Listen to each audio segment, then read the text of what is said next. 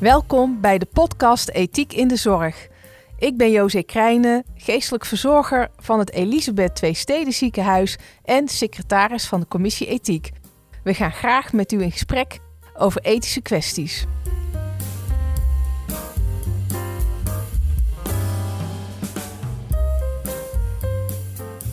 Vandaag is hier eh, Merlijn Salle.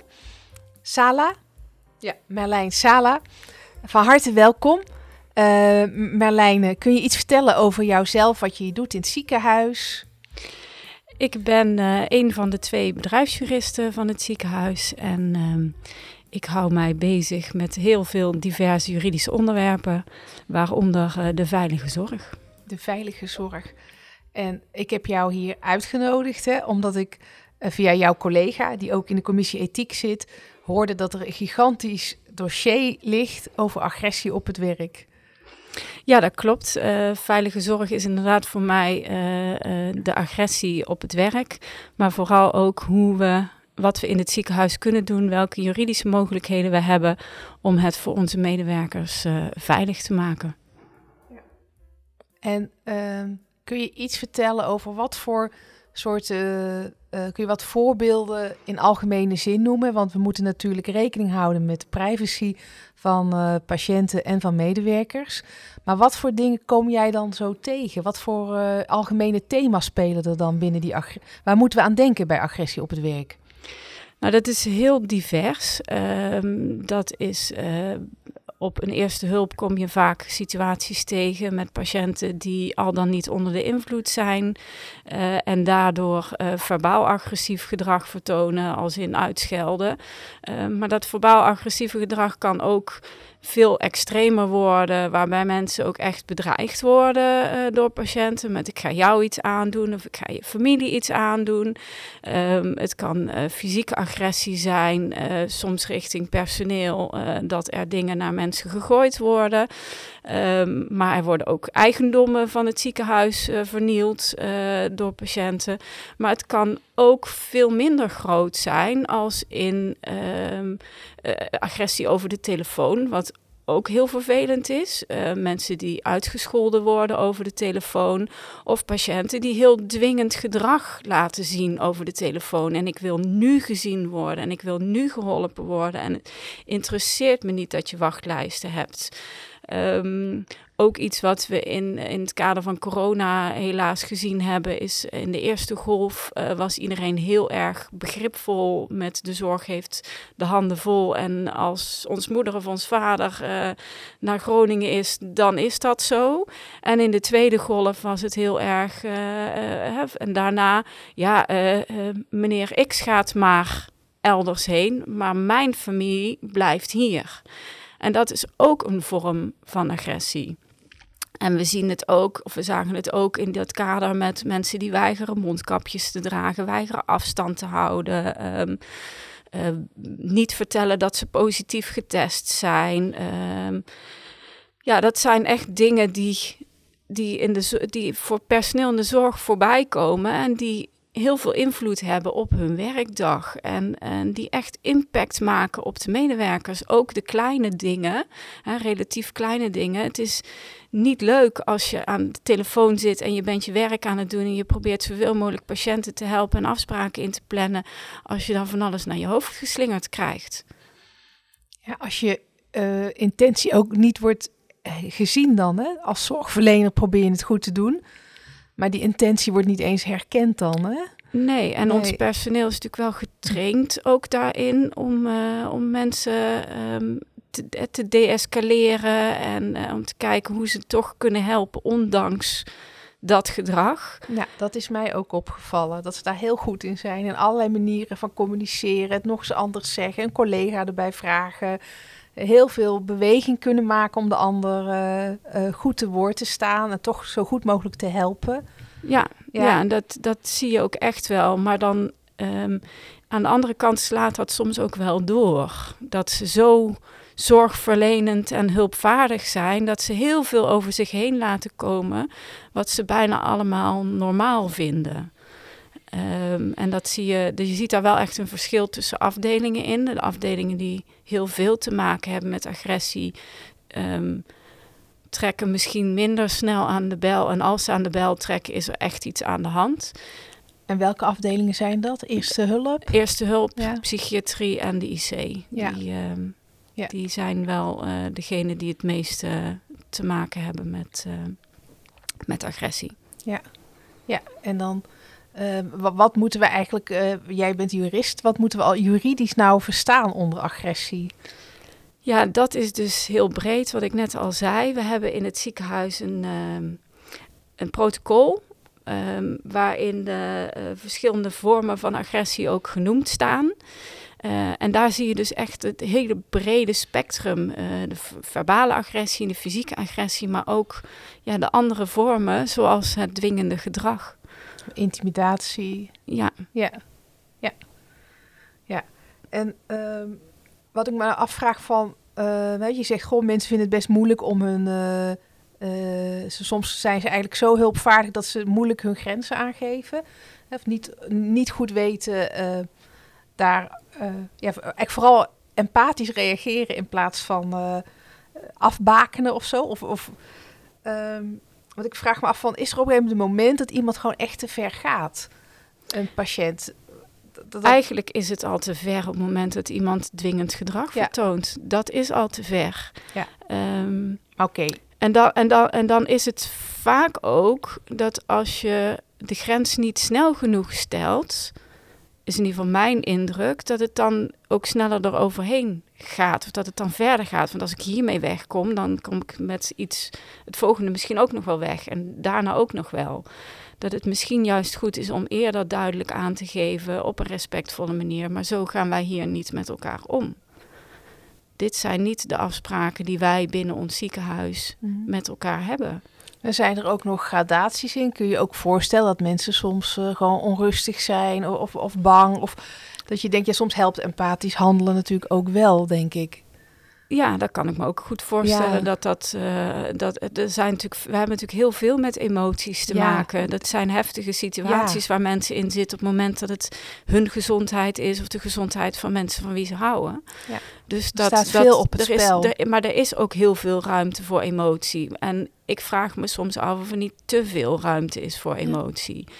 Um, en wat ik vooral belangrijk vind, is dat als een medewerker zoiets heeft van dit is echt niet oké wat hier met mij gebeurd is, dat ze daar een melding van maken. Daar hebben we een MIM-systeem voor, waar ze een melding kunnen maken van dit is mij gebeurd. Dat gaat dan vervolgens richting de leidinggevende van de medewerker. Maar die leidinggevende heeft vervolgens weer de mogelijkheid om daar iets mee te doen om te kijken van wat, wat kunnen we hiermee of wat moeten we hiermee. Um, en zo zijn er, zoals een van de leidinggevenden van de SEH ehm, weet mij heel snel te vinden met de casussen waarvan zij zoiets heeft van dit is echt niet oké. Um, en wat gebeurt er dan? Dan komt een casus bij mij. Dan kijk ik naar wat is er gebeurd en uh, waar nodig stel ik aanvullende vragen. Um, en um, dan kan iemand een officiële waarschuwing krijgen vanuit de Raad van Bestuur.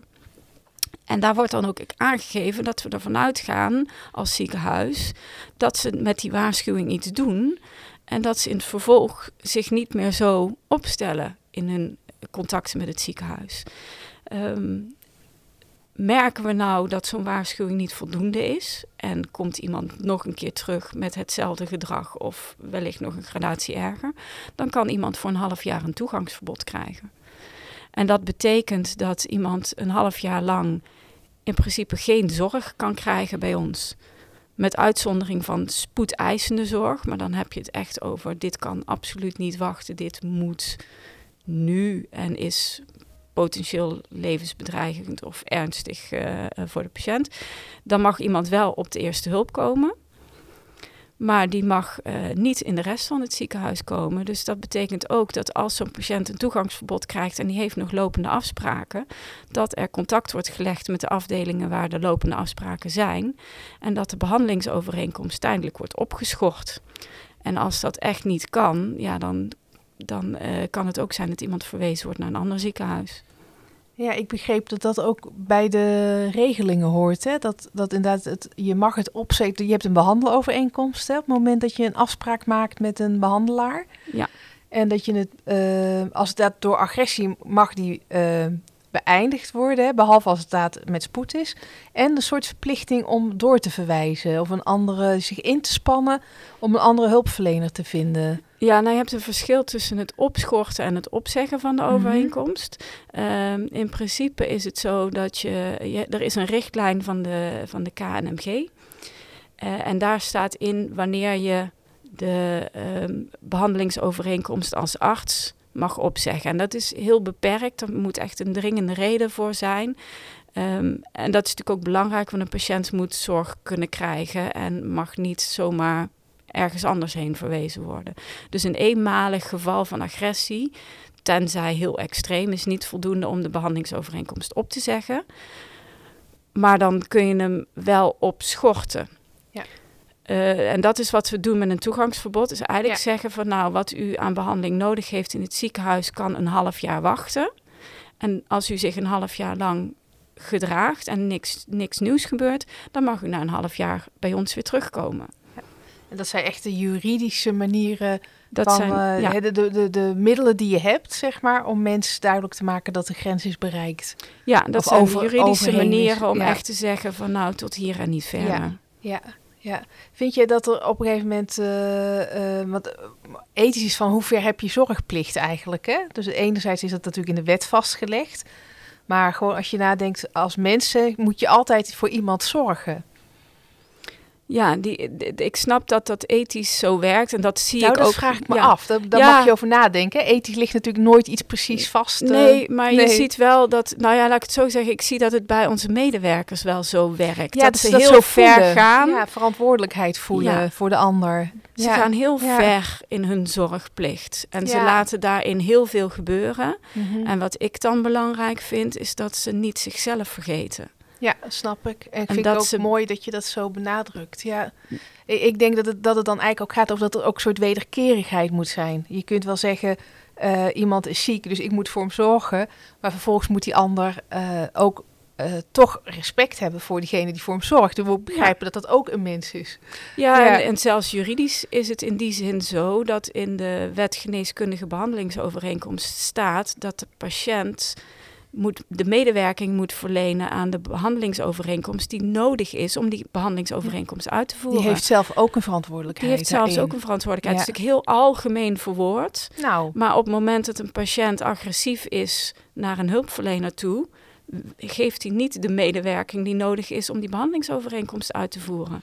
Nee, en er moet een soort uh, basis zijn van waarop basis je samen kan werken. Hè? Als, als die basis ontbreekt op een gegeven moment, ja dan kan je niet meer verwachten dat die ander maar doorgaat. Nee, en dan, En dan mag je dus hè, helaas, of ja, hela soms helaas mhm. niet snel nee zeggen.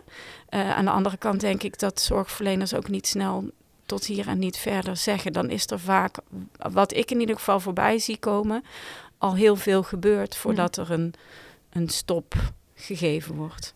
Ja, ik denk dat eh, het is eigenlijk heel vaak zijn recht volgens mij bedoeld om de patiënten te beschermen. Hè?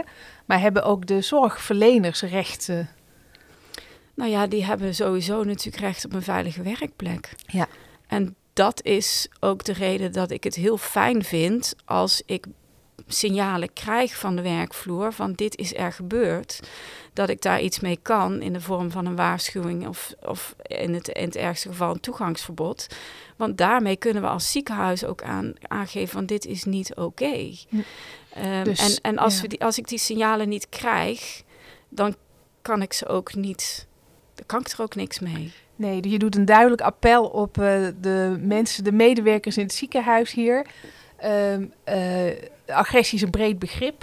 En hè, het is niet alleen maar uh, fysiek of verbaal, het is ook dreigen, intimideren. Um, um, nou ja, en en uh, durf dat te erkennen en durf het te melden. Ja. Want het hoort niet zo en uh, ook jij moet veilig kunnen werken. Dus durf het door te geven, zodat we er wat mee kunnen doen. Ja, heel graag. En ja. niet omdat ik op werk verlegen zit, maar wel omdat ik het heel erg belangrijk vind uh, dat onze medewerkers een veilige werkplek hebben. En ik hoop dat als we iemand een signaal geven met dit is niet oké, dat het dan ook beter gaat. En dat dat, dat dat signaal ook aankomt en dat we daarmee niet alleen voor die betreffende collega's, maar ook voor andere collega's de zorg een stukje veiliger maken. Dankjewel.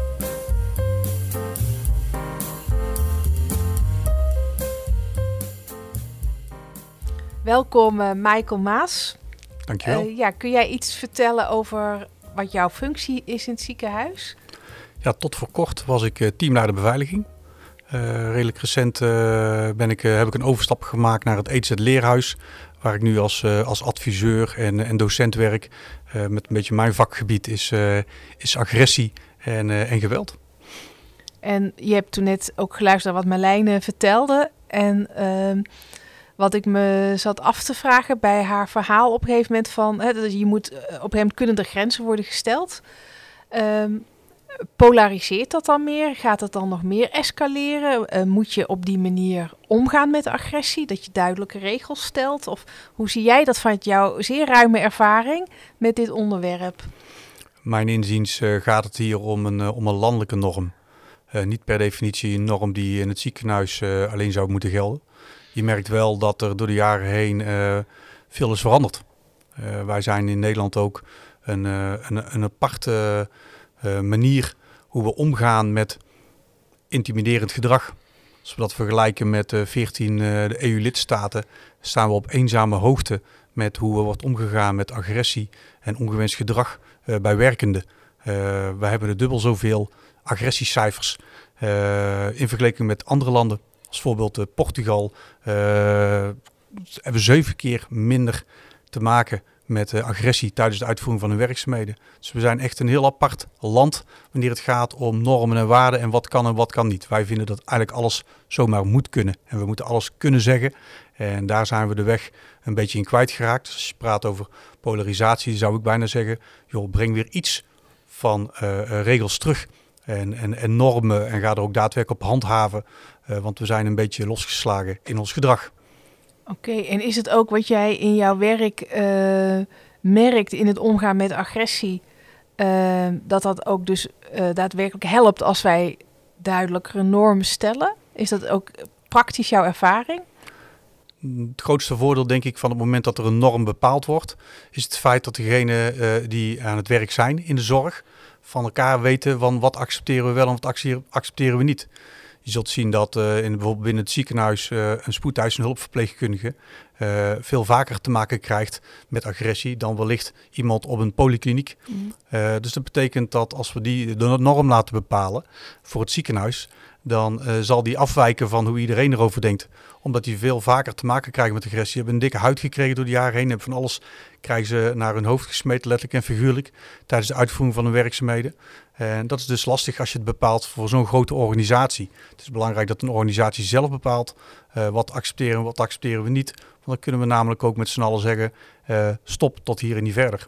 Het moment dat je een norm bepaalt en hem ook uitdraagt aan uh, je bezoekers en je patiënten, dan heb je het voordeel dat daar wellicht er zijn tijd een keer het kwartje gaat vallen. Oké, okay, de ETZ heeft heel duidelijke grenzen gesteld en daar zitten ook consequenties aan. En jij leert mensen in de praktijk, leer jij ook medewerkers omgaan met agressie. Je hebt een training daarvoor ontwikkeld. Ja, uh, in principe zijn mijn inziens uh, agressietrainingen maatwerk. Zoals ik al aangeef, we hebben te maken met vele soorten afdelingen met allemaal hun eigen casuïstiek en problematiek. dus je kunt natuurlijk in de basis uitgaan van dezelfde soort training, maar het gaat vooral dat je probeert maatwerk of trainingen aan te bieden die aansluiten bij de afdeling. Mm. Je kunt je indenken dat uh, de heftige situatie die je wellicht kunt indenken bij een geboortezorg. Veel mensen denken daar niet zo goed over na. Uh, maar ook daar uh, krijg je te maken met een hele heftige emotionele situaties. Uh, kinderen die bijvoorbeeld uh, uh, uiteindelijk door een kinderbescherming worden opgehaald. Of, of, of, relaties die stuk zijn gelopen waar de man niet bij de bevalling kan zijn. dat levert allerlei heftige emotionele situaties op. Waar je vervolgens ook wat Marlijn ook aangeeft bij de spoedhuis en hulp weer te heel vaak te maken krijgt. Met alcohol en, en, en drugsgerelateerde zaken. Tegenwoordig zien we veel psychiatrische problematiek, ook bij jongeren. is het echt wel een dingetje op dit moment. Dus dan zul je zien dat het een heel andere situatie met zich meeneemt. Dus als je daar dezelfde training zou aanbieden, dan zal die niet per definitie aansluiten. Dus ja, in basis is de training hetzelfde, maar je laat hem aansluiten bij de problematiek van de afdeling. Mooi. En kun je iets vertellen over die uh, basis? Zeg maar, waar bestaat die basis uit? Het is vooral heel erg belangrijk voor degene die te maken krijgt met agressie of ongewenst gedrag, dat ze weten wat er voor een neus plaatsvindt. Uh, er zijn diverse vormen van agressie. Wat we heel vaak meegemaakt hebben tijdens de COVID-periode, is uh, dat noemen wij jullie gedrag. waar we uiteindelijk als ETZ-medewerker te maken krijgen met ongewenst gedrag. Iemand die kritiek heeft op de regels, uh, die schande spreekt van onze huisregels of ons beleid. En als het voor je neus plaatsvindt en er zijn allerlei uh, tonaties en lichaamstaal bij, dus non-verbale communicatie, dan kan dat zeer heftig overkomen. Maar dat is een andere vorm op het moment dat het echt gericht is op jou als persoon. Dus op het moment dat er echt iemand zich richt op jou, in dit geval op Michael Maas bijvoorbeeld, dan heb je echt te maken met een andere vorm van agressie. Dat noemen we instrumentele agressie. Dat betekent dat mensen gedrag inzetten als instrument om dingen gedaan te krijgen. En dat is weer een vorm, uh, als je die niet herkent, uh, dan zou je daar misschien verkeerd op deescaleren of begrenzen. Want dat is namelijk gedrag wat je gewoon per acuut moet zeggen tot hier en niet verder. -mm. Ja. Het is super, super belangrijk dat je weet uh, waar je wat, mee te maken hebt. Wat gebeurt er nu voor je? Nou, en wat Merlijn eigenlijk ook al zei, dat je het ook durft te erkennen als agressie. Ja. Dat je het niet eigenlijk maar laat gaan en vindt dat je ermee om moet kunnen gaan, maar denkt, oh nee, dit is agressie. Wat kan ik doen? En heeft Merlijne ook gelijk met dat je zo snel mogelijk moet, uh, duidelijk moet maken dat, dat, er, dat er een grens is die uh, getreden wordt? Ja, ik, ik, ga weer eventjes terug naar de, de gedragsmatrix zoals we meenemen in de agressietraining. Uh, daar spreken we van ik-gedrag, jullie gedrag en jij-gedrag. Uh, waar we met ik en jij, of sorry, ik en jullie gedrag uh, wat meer richting de begripkant gaan. Zoals we gewend zijn in de zorg. we zijn altijd we staan ook bekend voor het feit dat we altijd maar begrip tonen en we willen luisteren en op zoek gaan naar een oplossing en dat soort zaken. Maar op het moment dat we echt te maken krijgen met agressie gericht op jou als persoon, dan moeten we wel heel duidelijk zeggen tot hier en niet verder. En dan is het wel heel belangrijk om die grens zo snel mogelijk kenbaar te maken en daar ook consequenties aan verbinden. Ja, en om hem ook op zo'n manier aan te geven dat je, uh, zoals jullie dat noemen, deescaleert. Ja, Alleen in dit geval uh, benoemen we eigenlijk alles wel agressie. Mm -hmm. Maar nogmaals, wanneer je echt gericht op jou als persoon, daar ga, ga je echt de grens aangeven. Mm -mm. Daar ga je echt aangeven van, goh, als u niet stopt met dit gedrag, dan moet ik helaas de behandeling stoppen. Of dan uh, verzoek ik u het ziekenhuis te verlaten. Of, of, of anderzijds, of andere soorten voorbeelden waar je heel duidelijk je grens stelt. Dat als iemand niet doorgaat, of als iemand doorgaat met dat gedrag, dat uiteindelijk uh, dat daar paal en perk wordt gesteld. Ja. En wat, jou, uh, uh, wat, wat, valt jou op zich op in al die trainingen? Wat is jouw waarneming zo, van als je dat hier zo allemaal doet? Het valt me op dat heel veel mensen werkzaam binnen het ETZ of in de zorg in het algemeen eigenlijk niet eens meer doorhebben dat ze te maken krijgen met heel veel gedrag wat ze in principe niet hoeven te accepteren. Dat het bijna normaal is geworden om uitgescholden te worden of gekleineerd te worden uh, als, als medewerker. En dat is eigenlijk te gek voor woorden. Hm. Dus dat valt me echt op. En daarna krijg je natuurlijk de, het verhaal richting hetgeen wat ik specifiek meebreng, waar je mensen wil leren omgaan met agressie. Het leren begrenzen of deescaleren op een succesvolle manier. En dat daar nog veel winst te halen is. Dat veel mensen niet bekend zijn dat er überhaupt verschillende vormen zijn van agressie. En dat er ook verschillende manieren zijn hoe je daar effectief mee om kunt gaan. We hadden het uh, hiervoor, voordat we begonnen met dit gesprek, uh, zeg maar met de podcast, hadden we het ook nog even over de, de grote uitval onder zorgmedewerkers.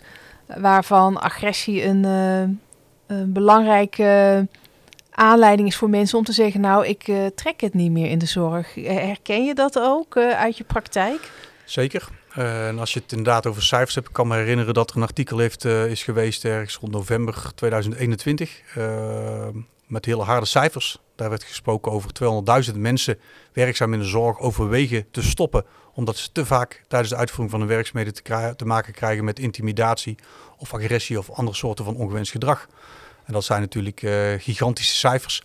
Uh, als je dat los zou laten op het, uh, op het ETZ zou betekenen dat er uiteindelijk misschien wel duizend mensen zouden overwegen om een andere baan te zoeken. Dat is natuurlijk verschrikbarend. Ja, maar ik kan me ook voorstellen als je de meeste mensen zijn hier heel erg betrokken op de anderen. Daarom word je ook, ga je ook in de zorg werken. Je het fijn vindt om te zorgen.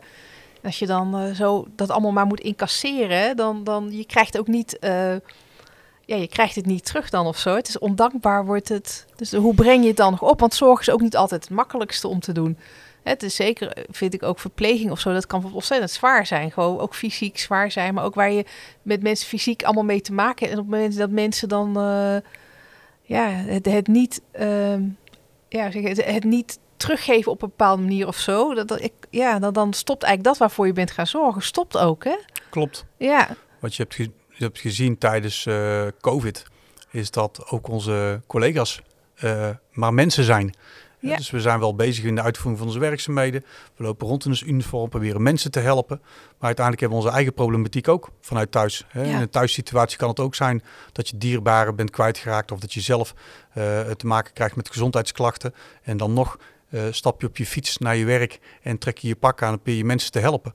Uh, dan krijg je vervolgens te maken met allerlei vormen van agressie en ongewenst gedrag. Dus dat is eigenlijk ook nog een hele lastige situatie, omdat je altijd maar begrip moet tonen tot het moment dat je zelf misschien ook naar je max komt van je kunnen. Ja, en van misschien... je veerkracht ook, ja. het kunnen veren, ja. En dan krijg je misschien ook wel eens een keer dat mensen gaan reageren op een manier dat ze normaal niet zouden doen. En dat zijn best wel uh, voor sommige mensen best wel pijnlijke moment als ze zich realiseren dat ze misschien een keer uit de slof zijn geschoten of wat kortaf hebben gereageerd op een, op een patiënt of een bezoeker. Uh, maar goed, we zijn ook maar gewoon mensen. Ja, en het is ook belangrijk om hierin dan te zien dat je ook niet alles hoeft te kunnen. En dat op het moment dat je agressief wordt uh, bejegend, dat je dat ook onder ogen moet zien en dat je het ook moet gaan benoemen met elkaar. En dat je met elkaar daarin een norm ook moet uh, vestigen. Hè?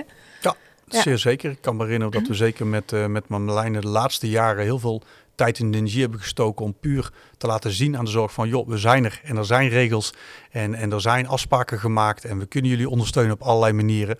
En dat is denk ik ook wel een hele waardevolle investering geweest om, om de mensen ook te laten zien van joh, uh, laat niet zomaar alles gebeuren. En, en, en we zijn er om je te helpen. En er zijn diverse tools, uh, zoals inderdaad een waarschuwing of een toegangsverbod, of wellicht zelfs aangifte. Uh, er zijn diverse opties om mensen te kunnen ondersteunen. Puur het gesprek aangaan, het laten zien dat je er bent. Uh, zal je wellicht ook herkennen vanuit, eigen, uh, vanuit je eigen achtergrond. Dat is ook hartstikke belangrijk. Dat je gewoon tijd vrij maakt voor de mensen die te maken hebben gehad met een vorm van agressie of ongewenst gedrag. Dat je ze een verhaal kunnen doen. En dat is, dat is enorm belangrijk als organisatie om dat stuk mee te nemen.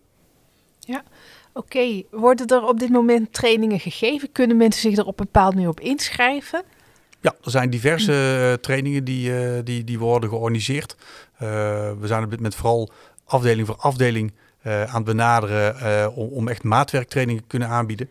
En dat, loopt, dat loopt hartstikke goed. Maar gelukkig is er nog heel veel, veel winst te halen. Heel veel mensen weten waarschijnlijk niet eens dat ze bestaan, de trainingen. Uh, dus we zijn vooral bezig en daar gaan we ook zeker na de zomer aan de slag. Vanuit het leerhuis en ook met de collega uh, uh, agressietrainer om dat stukje promotie op te gaan pakken. Zodat iedereen in, bij ons werkzaam bij het ETZ de kans krijgt om een training te volgen. Om zo in ieder geval beter en sterker aan de slag te kunnen gaan. ja, weerbaarheid. Ja, weer weerbaarheid, klopt. Ja, precies. En dat behoudt ook je veerkracht, denk ja. ik. Ja, ja. Nou, geweldig dat je dat doet. Super. Dus ik hoop dat iedereen uh, zich uh, nu allemaal aan gaat melden. ja, zeker. Het loopt volgens mij al heel goed. Het loopt heel goed. Ja. En, uh, en ja. ben er al heel blij mee. De reacties zijn, zijn hartstikke goed. We hebben uiteindelijk ook begonnen met überhaupt het beleid opnieuw te gaan schrijven. Dus echt vanaf uh, op, op schrift, uh, vanaf de eerste uh, letter, het stukje rondom agressie te gaan uitschrijven. En daar hebben we ook een hartstikke mooi beleid op opgemaakt. en dan vervolgens komen er nu de trainingen en een stukje promotie. Dus we hebben, het is nog een lange weg om te gaan, maar we zijn goed bezig. Dus ik kijk erg uit naar de komende paar maanden. Ja, en naarmate jouw trainingen natuurlijk iedereen dat ook steeds beter gaat begrijpen en kunnen handelen, dan wordt het uh, het bord van Marlijne iets, uh, iets, uh, zeg nou, iets, iets kleiner. Hè? Zo, dan wordt stapel dossiers hopelijk wat, wat minder. Ja. Nou, dat gun ik juridische zaken, want ik weet als geen ander dat ze enorm veel werk hebben ja. aan al dit soort meldingen die komen ja. vanuit, vanuit het ziekenhuis. Ja, en dan moeten we ook, ik bedoel het ook niet als ontmoedigend daarin, maar ik bedoel meer van dat het zo mooi zou zijn als we het zo kunnen handelen, hè, dat je erger kan voorkomen steeds. Mm, ik heb echt, voor mijn gevoel, is mijn belangrijkste taak om, om de zorgmedewerkers voor zichzelf een heel duidelijk kader te geven van wat moet ik nou accepteren, waar moet ik begrip voor optonen Ja. en welk gedrag moet ik gewoon begrenzen. En dat, als ik dat be- kan bereiken, dan ben ik al een heel eind van. Dat betekent dat er op dit moment bijna 7000 medewerkers zouden zijn die in ieder geval al heel duidelijk voor zichzelf weten van joh, wat nu overkomt, dat hoef ik niet te accepteren. En dat zou wel een gigantische stap voorwaarts zijn. Hartelijk dank, Michael. Graag gedaan. En eh, nou, iedereen eh, schrijf je in. En eh, daarnaast, als er dingen gebeuren, durf een minmelding te maken. Hè, durf het te gaan benoemen. En dan hoop ik dat we over een paar jaar... dat, dat we het allemaal aan, dat we het allemaal goed doen. hè. Zodat we het allemaal ja, goed doen. We doen het natuurlijk al heel erg goed, maar dat we wat weerbaarder daarin zou een zijn. prachtig streven zijn. Ja, precies. Ja.